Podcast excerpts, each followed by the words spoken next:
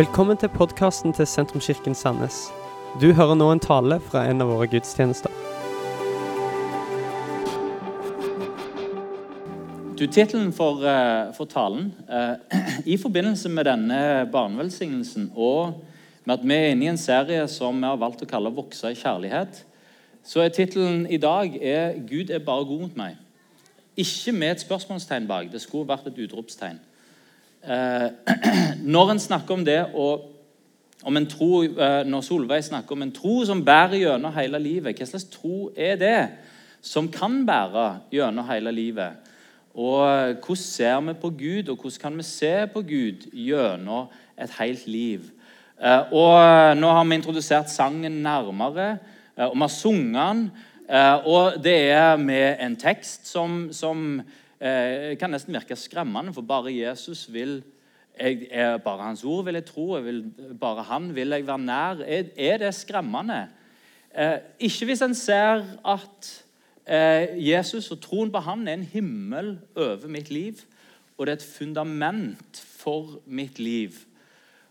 Og med denne tanken her Gud er bare god mot meg, så blir jo min respons at jeg vil være nær til deg. Eh, men før jeg hopper inn i eh, dagens budskap, så eh, hadde jeg lyst til å invitere min, min far Åsulf opp her. Vi skal sitte og snakke sammen. Jeg lurer på om jeg, skal, jeg kanskje trenger disse spørsmålene, så jeg ikke glemmer dem.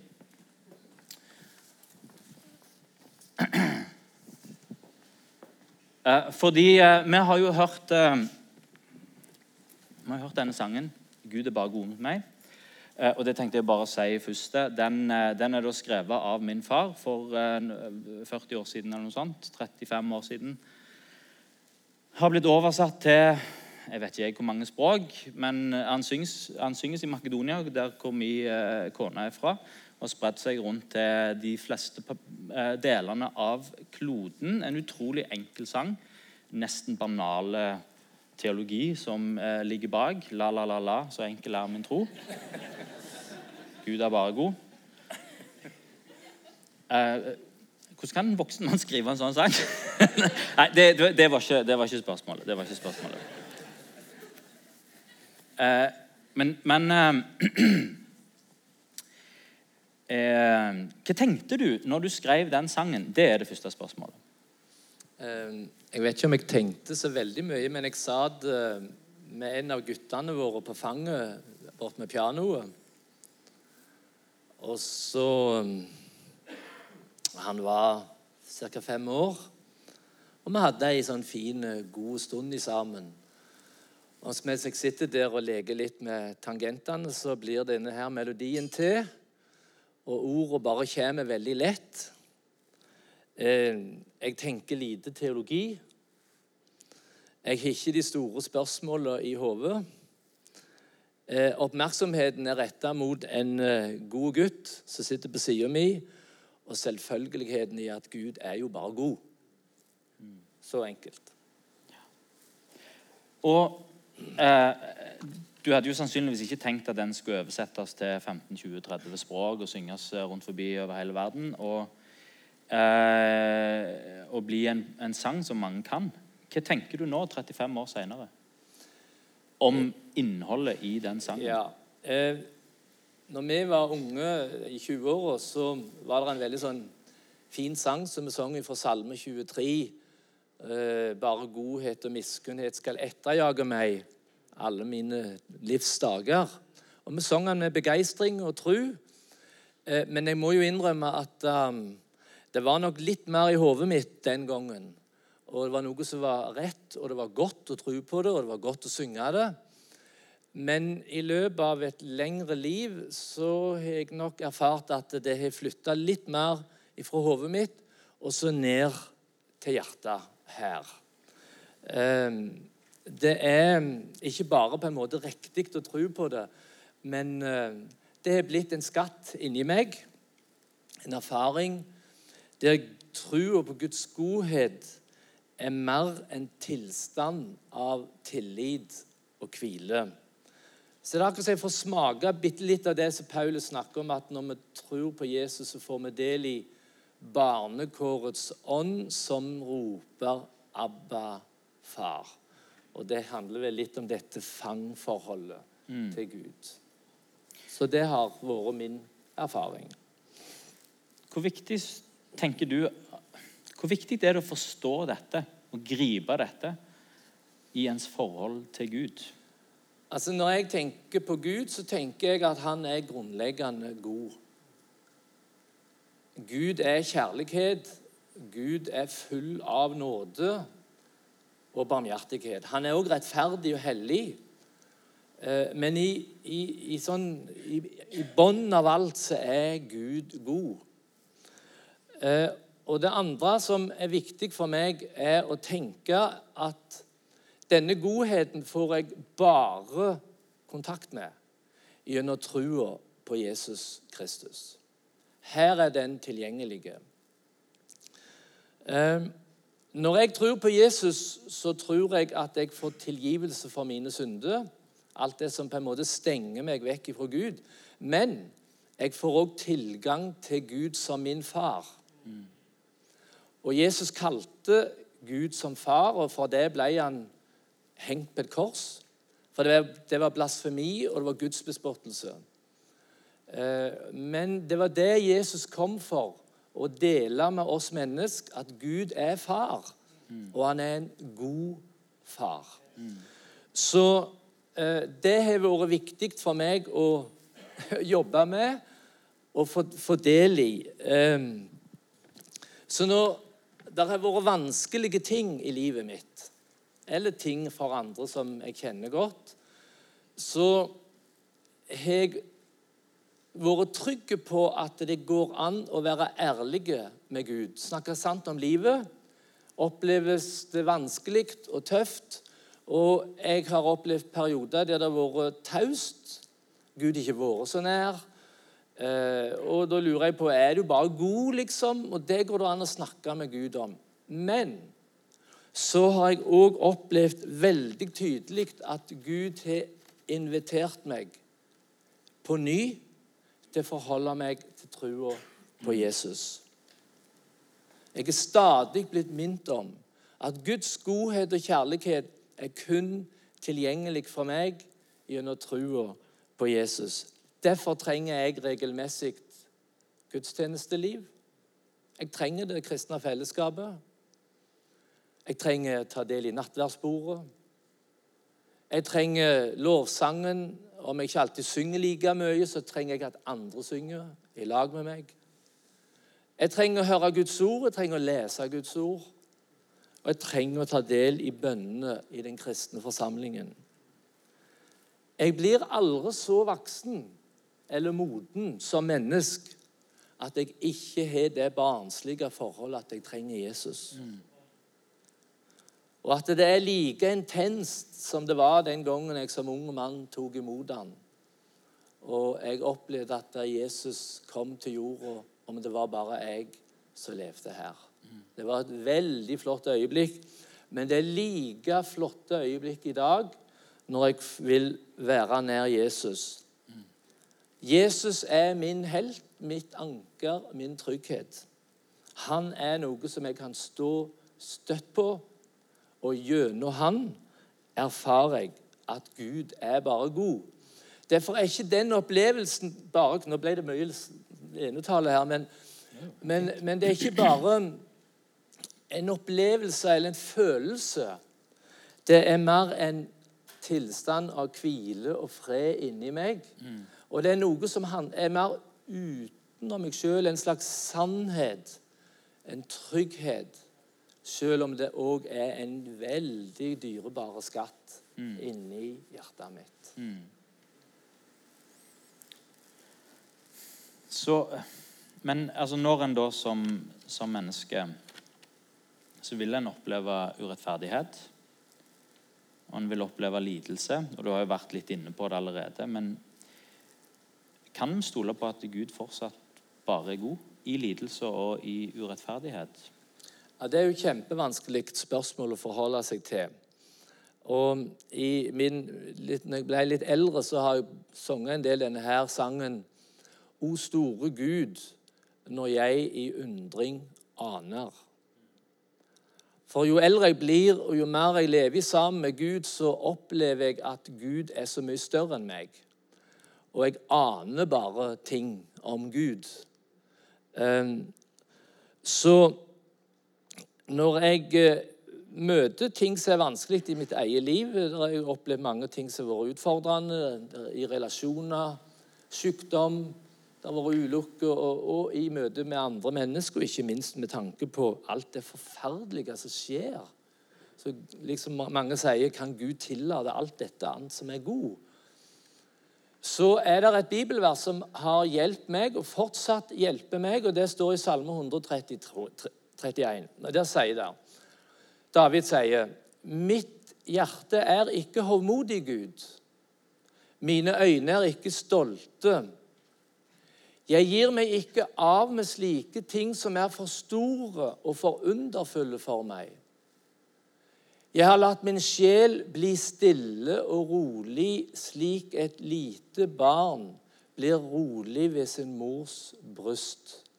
Slik er min sjel i meg. Så når jeg møter en del sånne spørsmål som er for store for min hjerne og for min forstand som jeg, det, det, det går ikke i hop så har det vært viktigere for meg å holde meg nær Jesus og finne den hvilen og roen hos Gud, min far. Og i voksen alder, så jeg er snart 70 år, til å kunne akseptere at ja, jeg trenger fortsatt å sitte på Guds fang. Jeg trenger Guds hjerte i livet mitt, òg når jeg ikke forstår alt som skjer her. Eh, og jeg tror ikke at jeg frelser meg sjøl ved å slå i bordet med de rette svarene. Om jeg hoster opp all visdom som er av oss mennesker. Og jeg tror ikke det frelser noen egentlig. Jeg tror at Jesus er den som frelser oss. Og jeg tror at fra Guds side så er det et hjerte som banker for at vi skal få oppleve hans nære og intime behov for å være sammen med oss erfare. Ja, han er god, men det er òg vanskelige ting som vi kan få lov å legge over hos han og hvile i det. Det er fantastisk å få sitte på Guds fang, og ennå jobber jeg med det. Og Det er litt barnslig å si, men sånn er det. Bra. Kan vi ikke gi en uh, applaus?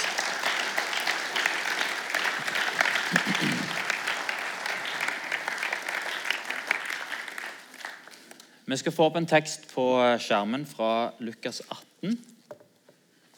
Uh, og um, vi har hørt utdrag fra den allerede. Uh, eller den samme teksten fra Matteus, da. Kapittel 18, vers 15. De bar òg spedbarna til Jesus for at han skulle røre ved dem. Da disiplene så det, så ville de vise dem bort, men Jesus kalte dem til seg og sa, La de små barna komme til meg, meg og hindre dem ikke, for Guds rike tilhører slike som dem.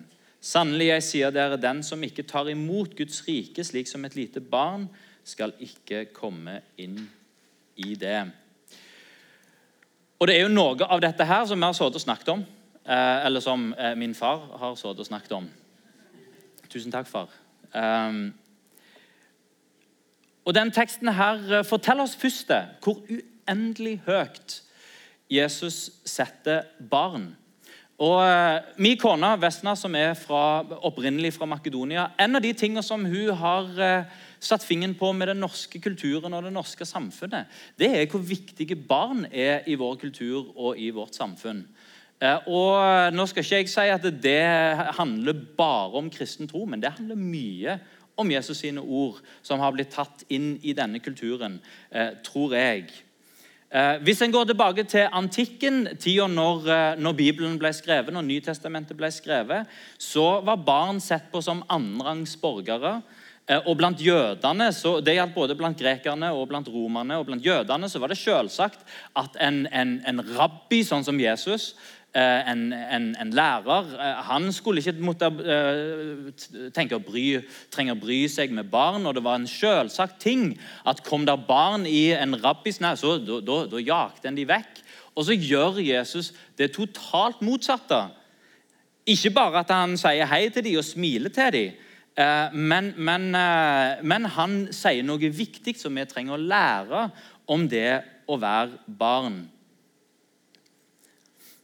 Rundt forbi i verden så er det eh, mange deler av verden så har en fortsatt kanskje den måten å se på barn på. At eh, de er litt sånn halvferdige mennesker. Men vi vet i dag gjennom forskning så har vi fått eh, så, så, så, vet vi klart og tydelig at de første årene av et menneskes liv de er ekstremt viktige. Det som en får fra sine foreldre, og blir sett fra sine foreldre, er uendelig viktig for dannelsen av Eh, av en som menneske. Den kjærligheten som en får fra voksne mennesker, fra voksne trygge omsorgspersoner, fra foreldre, den er viktig for dannelsen av eh, oss som mennesker. Og jeg vil kanskje også legge til at oppdragelse, kanskje først og fremst i form av eh, et, et eksempel å følge og et, et eksempel til etterfølgelse, er viktig for dannelsen av oss som mennesker. Det som skjer i de første åra, det er viktig. Eh, men så tror ikke jeg at det som Jesus vil si her, er først og fremst at det er viktig at vi tar hånd om barn. Men han sier barn bærer med seg noen ting som er viktig for oss som er blitt voksne. Eh, og hva er dette? Det er, dette, det er denne enkle tillit, eh, tilliten. Og denne enkle tilliten som, som, som min far òg satt og snakket om her.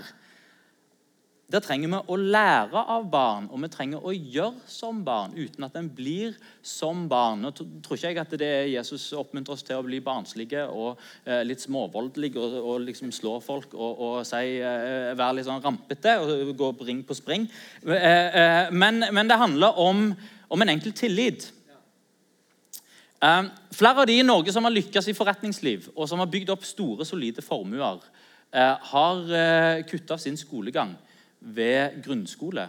Det er et paradoks. Uh, men skal du bli alt annet enn en gründer, så bør du ta mer enn grunnskole. Uh, men skal du bli gründer, så er det ikke sikkert, så kan det hende det er smart å slutte etter grunnskolen. Olav Thon, som er Norges rikeste mann, tror jeg fortsatt, uh, og som nå er over 90 år gammel og sitter med en formue på 29 milliarder kroner, han sier at skal du lykkes, så må du ha tro på deg sjøl. Da kan du komme så langt som helst. Ba, eh, det, er noe litt sånn, det er noe litt sånn barnslig over det. Tro på deg sjøl. Tro på din idé. Barnslig tillit til at 'dette får jeg til'. Jeg er ferdig med eh, ferdig grunnskolen. Jeg kan det. Eh, den ideen har jeg tro på. Jeg kjører på. Eh, jeg har ikke ti år med utdannelse som gir meg masse risikoanalyse, og som sier at eh, jeg må tenke på det og det og det. Og det, og det. Og så når jeg har tenkt på det og det og det, og det, så gir jeg opp fordi jeg vet dette får jeg ikke til. En gründer har en enkel tillit på at ja, dette får jeg til. Tro på seg sjøl. Jesus han kobler dette med vårt forhold til Gud et enkel tillit, ikke til seg sjøl og sin idé. Det kan være bra når en skal være eh, gründer. Men forholdet til Gud er ikke et høyskoleforhold med alt på plass i hodet. Alle analyser korrekt, all forståelse på plass. Det er en enkel tillit til Gud. Min Gud er bare god mot meg. Barnets tillit handler om avhengighet. Eh, for et barn er 100% avhengig av sine foreldre. Av noen til å ta hånd om det. Det er kun Mowgli og Tarzan som klarer seg i jungelen alene sammen med ulver og apekatter. Eh, det er, det, som barn så er han avhengig av sine foreldre. Eksistensielt så er vi på samme nivå som barn. Vi er avhengig av Gud. Fordi vi er skapt i Guds bilde. vi er skapt til fellesskap med Gud, og fordi at Gud lengter etter fellesskap med sin skapning. Som Jonas Gahr Støre sier i sin fortelling om sin reise i voksen alder mot en, eh, mot en tro på Gud, så forklarer han det med å si jeg trengte å tro på Gud for å få det hele til å gå opp. For eksistensielt I vår forhold til det store, til de store spørsmålene, så er vi som barn vi er 100% avhengig av Gud for å få det til å gå opp. Modenhet og kunnskap det er to forskjellige ting. Kristen modning kommer ikke gjennom masse kristen kunnskap. Men skal vi ta Jesus sine ord på alvor, som en, som en, som en leser i denne teksten, her, så handler det rett og slett om å beholde denne barnslige tilliten til Gud gjennom et helt liv, gjennom skuffelser, gjennom sykdom, gjennom familiekonflikter, gjennom stress, gjennom sorg, gjennom utfordringer, men òg gjennom gleder, gjennom måloppnåelse, gjennom suksess, gjennom mestring, gjennom vennskap, gjennom familieliv. I hele den der gode, Ikke alltid gode, men denne miksen av både søtt og surt som livet gir oss. Jeg håper at når jeg er snart 70, at jeg kan si som min far Så enkel er min tro. Gud er bare god. Er det sant når vi leser Bibelen? Er dette en rett måte å lese Bibelen på? Jesus sier, 'Den som har sett meg, han har sett Faderen.' Hun har sett Faderen. Når jeg leser gjennom evangeliene og jeg leser Jesus i møte med mennesker, så leser jeg den samme setningen 'Gud er bare god mot meg'. Når jeg leser gjennom hele Bibelen og leser hvordan Gud åpenbarer seg i Bibelen, så kommer jeg til samme konklusjon. Gud er bare god mot meg. Eh, og, eh, og jeg hørte historien om en av eh, de mest briljante fagteologer som, som, som, verden har fostra de, de, siste år. Carl Barth han er kanskje en av de som har produsert, han har skrevet flere hullemeter med teologisk litteratur. Eh, bare ikke begynn å si jeg skal lese alt av Karl Barth. Da, da får du ikke gjort så mye annet eh, i løpet av livet. Og Mot slutten av livet sitt så var han på en reise i, USA. Han var i New York, han var i eh, Rockefeller Chapel og hadde et seminar for studenter der. og En av studentene rettet opp hånden og sa Karl Barth, du, hvordan vil du oppsummere hele ditt livsverk og ditt, ditt teologiske arbeid? Og Han venta på, på, på, et skikkelig sånn dypt, solid svar. Eh, og Carl Barth han, eh, han, svarte med å si jeg vil svare med en sang som jeg lærte på, eh, på knærne til i mitt mors fang. Og det var min, Gud er bare god mot meg. La, la, la, la, så enkel er min tro. Av Åsulf Kvammen. Nei, det, det var ikke det. Men det var nesten. Jesus loves me, this I know, cause the Bible tells me so. Ikke alle barnesanger er barnesanger. Noen barnesanger er voksensanger. Bibelen forteller oss at Gud åpenbarer seg som rettferdig, som sannhet, som hellig, som, som, som allmektig. Men det kommer ikke i veien for det bærende elementet, nemlig at Gud er bare god. Jesus kaller han far, gir det videre til oss og sier vi skal kalle Gud for vår far. Johannes oppsummerer hvem Gud er i, eh, i et av sine brever med å si Gud er kjærlighet. Paulus begynner alle sine brever så begynner han med, først med å si nåde. Nåde være med dere og fred fra Gud, vår Far. Og til den som tror, kom alltid tilbake til denne enkle, enkle teologien og denne enkle tilliten til Gud, at han er bare god mot deg. At du er elska. Og til deg som ikke vet om du tror, det er invitasjonen som Gud har. I hans hellighet, i hans rettferdighet, hans allmakt og hans sannhet, så er det dette han inviterer til. At jeg får være din far. At jeg er bare god. Kanskje er det denne innstillingen her som er det viktigste i slitesterke tro. Og der er mennesker som, som eh, sliter seg gjennom livet sitt, og som utretter det ene etter det andre, men hele motivasjonen er 'Far, se meg. Se meg.' En har kanskje ikke fått oppmerksomhet fra sine foreldre. 'Se meg nå. Se hva jeg får til.' Eller det kan være en, en, en strever seg fram til suksess for å møte sine foreldres ambisjoner. Se, mor og far, jeg fikk til det som du ville med livet mitt. Og noen gjør opprør og sklir helt ut for å få sine foreldres oppmerksomhet. Bare se meg nå. Nå gjør jeg absolutt sånn som dere ikke vil at jeg skal gjøre. Man blir vant til eh, negativ oppmerksomhet. Og bevisst eller ubevisst så kan vi forholde oss til Gud på samme måten. Forholdet til Gud skal ikke være en, en, en, reaksjon på hans, eh, på hans eh, eh, på hans ambisjoner eller et 'se meg nå, Gud, se meg nå'. Det handler om en enkel, enkel tillit.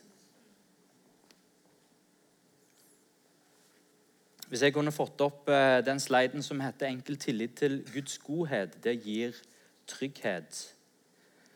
Hva er det som gjør at så eh, mange yngstefødte er så irriterende selvsikre? Eh, de er ofte morsomme, sosiale, trygge på seg sjøl.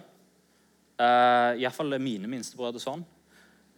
Uh, hvorfor det? Jo, for jo, kanskje jo større søskenflokken er òg, jo mer lærer foreldre etter hvert som tida går, at de strenge rammene for oppdragelse de funker ikke uansett.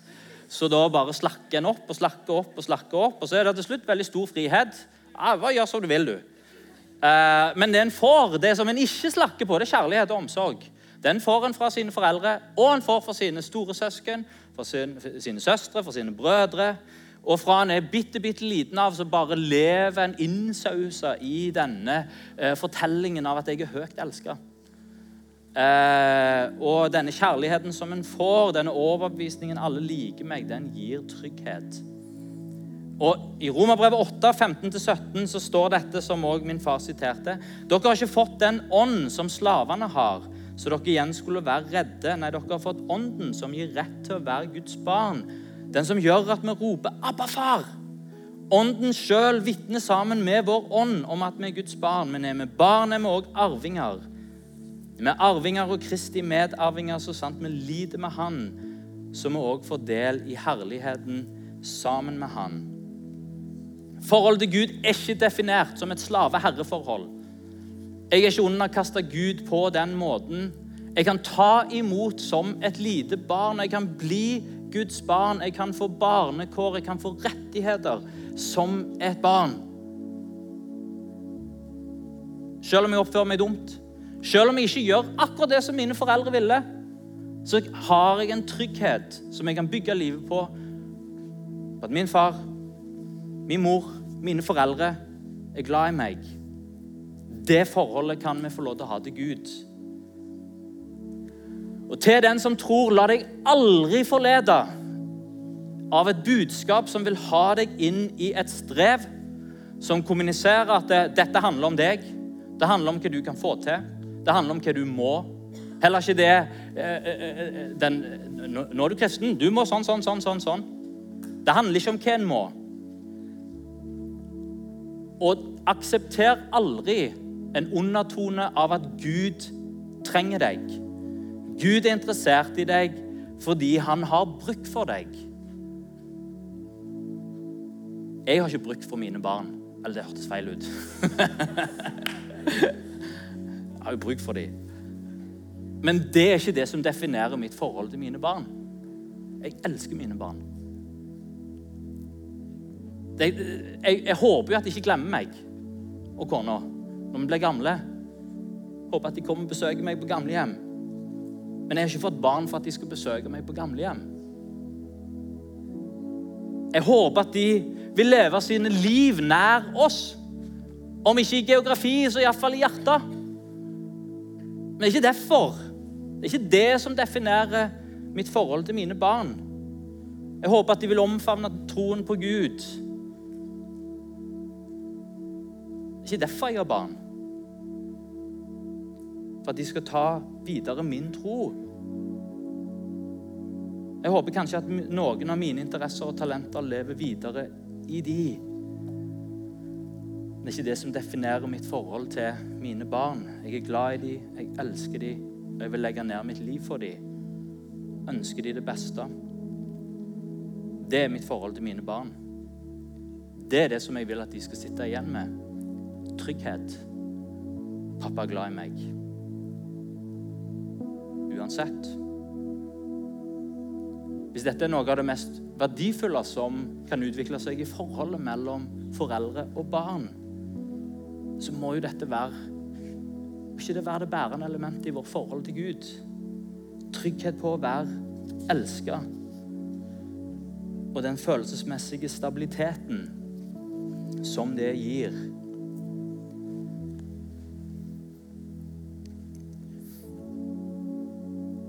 Begynner å nærme meg slutten her, men jeg hadde bare lyst til å få med den jødiske Jeg, jeg tror, tror han er jødiske. Høres iallfall sånn ut på navnet. Uh, futuristen Noah Yuval Harari, som har da skrevet bøker om menneskets historie og skriver bøker om, om, uh, om menneskets framtid, sånn som han ser han for seg. Han har et litt uh, et litt dystopisk bilde av framtida der han ser for seg at vi, og det må vi jo, vi må forholde oss sannsynligvis til kunstig intelligens, til roboteknologi, til uendelig dyktige algoritmer som blir bare flinkere og flinkere, eh, og som fikser ting for oss. Og så må vi forholde oss ifølge eh, Harari til en blanding av maskin og menneske. Eh, og i en sånn uoversiktlig virkelighet der vi ikke vet helt hva er realitet, og hva er virtualitet, så, og der disse tingene etter hvert bare glir inn i hverandre.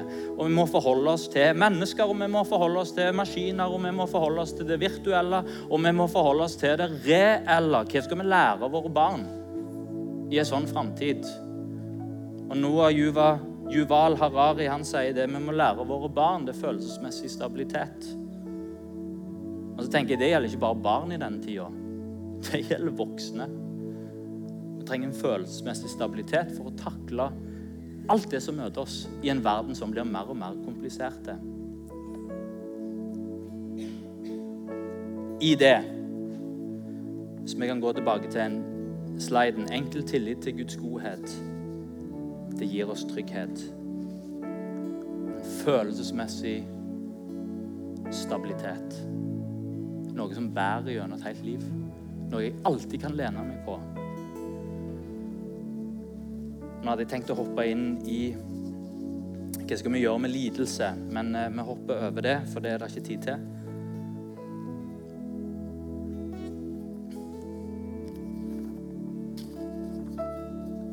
Men det spørsmålet som en kan stille seg, det er hvordan kobler vi sannhet og kjærlighet? Hvordan kobler vi rettferdighet og nåde?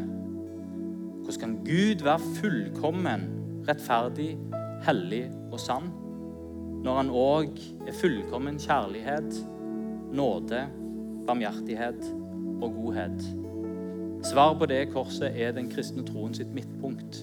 Det korset. På korset så døde Jesus fullkommen, det fullkomment hellige mennesket der tok Jesus menneskets dom og straff. Og rettferdigheten som sannheten krever. At der det er en ugjerning, så trengs det òg en dom. Rettferdighet må skje. Der viste Gud sin rettferdighet. Der viste Gud sin hellighet.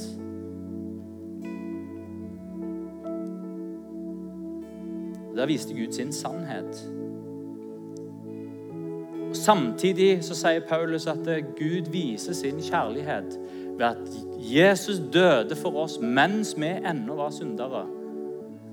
Så Når Jesus dør for oss, så er det rettferdighet, det er sannhet og det er hellighet. Men samtidig så gis det til hele menneskeheten så gis det fred, det gis tilgivelse, det gis nåde, det gis omsorg og barmhjertighet og kjærlighet. Det er sant.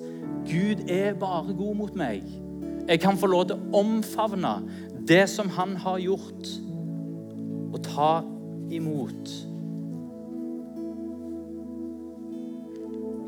Hvis vi kan hoppe over på den siste sliden som heter 'Gud er bare god mot deg'. Det er dette en inviteres til å bygge troen på. En sånn instinktive teologi Guds kjærlighet til meg er evig. Den har ingen skiftende skygge. I den er jeg trygg.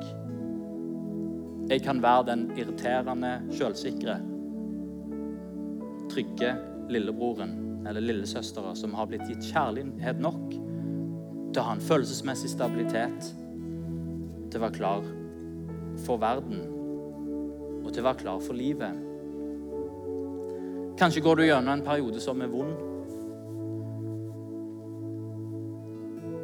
Denne teologien sier ikke at det er Gud som har gitt det vonde, men i det vonde så kan vi finne en Gud som er god.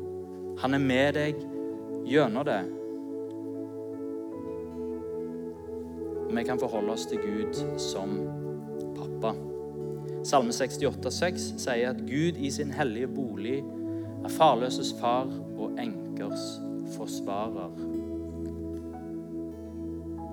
Johannes 1,12 sier at alle som tok imot ham, de ga han rett til å være Guds barn, de som tror på hans navn. Kan vi ta oss og reise oss?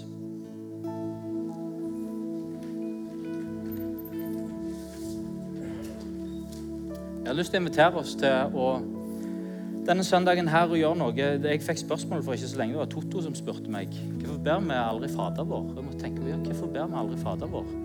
Godt spørsmål.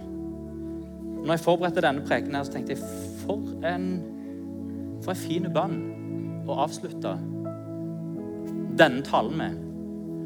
Eh, nå eh, er jo Fader vår det er jo eh, 1978-oversettelsen. Eh, og Fader vår, egentlig så forteller ikke det helt dette forholdet. For jeg sier ikke våre søsken. Sier ikke til vår far Fader vår. Vi sier far.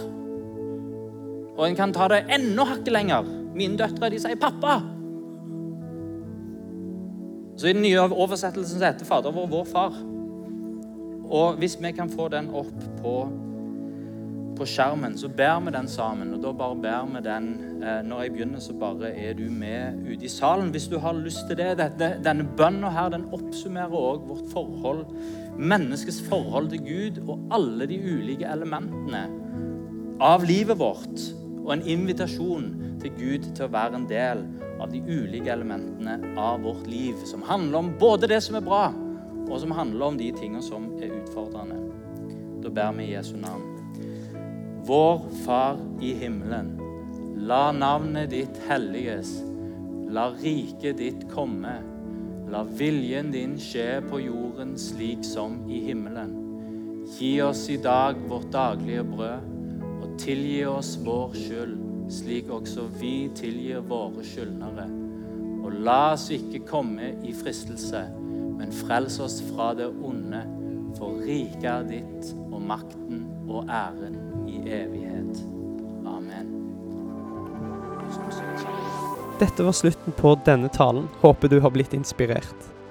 Om du har lyst til å vite mer om hvem vi er, eller hva vi gjør, eller har lyst til å høre flere podkaster, så kan du besøke vår nettside sentrums.no.